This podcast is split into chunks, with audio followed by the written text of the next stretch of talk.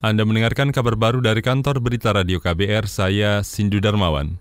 Saudara Partai Gerindra prihatin terhadap aksi penyerangan kepada Menko Polhukam Wiranto di Pandeglang, Banten hari ini. Ketua Bidang Hukum dan Advokasi Gerindra, Habibur Rahman, juga mempertanyakan aksi yang dilakukan di siang hari tersebut, padahal bekas Panglima ABRI itu dalam kondisi pengawalan keamanan yang sangat ketat. Ia berharap peristiwa tersebut tak terulang kembali. Ya, kita pengen tahu uh, apa namanya pengamanannya itu ya kita hmm. mungkin teman-teman sudah bekerja keras Polri ya uh, tapi memang, memang kan kita harus uh, antisipasi celah apa yang bisa digunakan hmm. oleh uh, orang-orang uh, yang ingin nekat seperti itu hmm. ya kan kalau ini kan nekat banget kan yeah. orang dikawal ada apa polisi dan sebagainya bisa melakukan di siang hari bolong hmm. Itu tadi Ketua Bidang Hukum dan Advokasi Gerindra Habibur Rahman. Sementara itu kepolisian membantah kecolongan terkait pengamanan Menko Polhukam Wiranto. Juru bicara Mabes Polri Dedi Prasetyo menyebut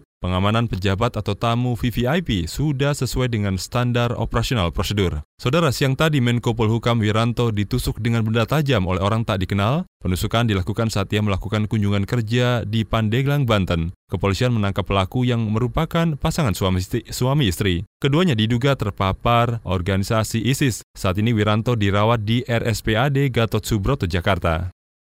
Dewan Perwakilan Rakyat DPR menargetkan pembentukan alat kelengkapan Dewan atau AKD rampung sebelum pelantikan Presiden dan Wakil Presiden terpilih 20 Oktober mendatang. Wakil Ketua DPR Sufmi Dasko Ahmad mengatakan saat ini masing-masing fraksi masih mempersiapkan kader untuk mengisi komisi atau badan tertentu. Saya pikir AKD nggak alot ya. Saya pikir ini kan e, memang diberikan waktu oleh pimpinan DPR kepada semua pimpinan fraksi yang saat ini sedang berjalan komunikasi-komunikasi yang saya monitor cukup baik sehingga sehingga ketika nanti rapat konsultasi antara pimpinan DPR dan pimpinan fraksi uh, sudah tidak terjadi lagi misalnya katakanlah tarik menarik atau perbedaan pendapat. Wakil Ketua DPR Sufmi Dasko Ahmad memastikan pembagian AKD dilakukan secara proporsional berdasarkan jumlah perolehan kursi masing-masing partai di DPR. Dari hasil perhitungan tersebut, PDIP mendapatkan 4 kursi pimpinan, Gerindra, Golkar, Nasdem, PKB, Demokrat mendapat 2 kursi, kemudian PKS, PAN, dan P3 masing-masing mendapatkan jatah satu kursi pimpinan di dalam AKD.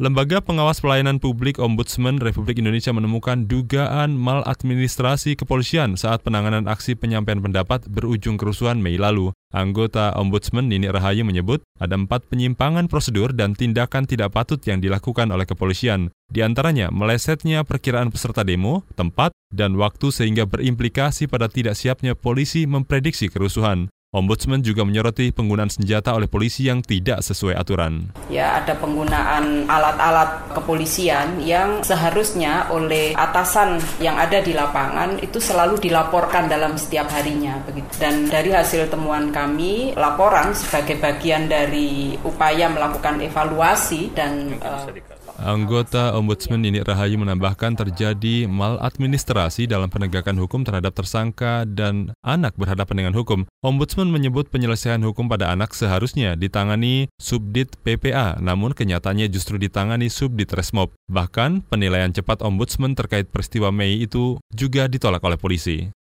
Saudara pencegahan usaha bunuh diri menjadi tema peringatan Hari Kesehatan Jiwa 2019 tahun ini. Anggota Perhimpunan Dokter Spesialis Kedokteran Jiwa Indonesia, Teddy Hidayat, mengatakan data Organisasi Kesehatan Dunia WHO mencatat 800 ribu orang di dunia meninggal per tahun karena bunuh diri. Sementara di Indonesia, angka bunuh diri mencapai 10 ribu orang per tahun. Penyebab orang bunuh diri tidak tunggal dan kompleks. Banyak faktor yang menentukan, mulai faktor organik, organobiologis, faktor sosial, faktor ekonomi.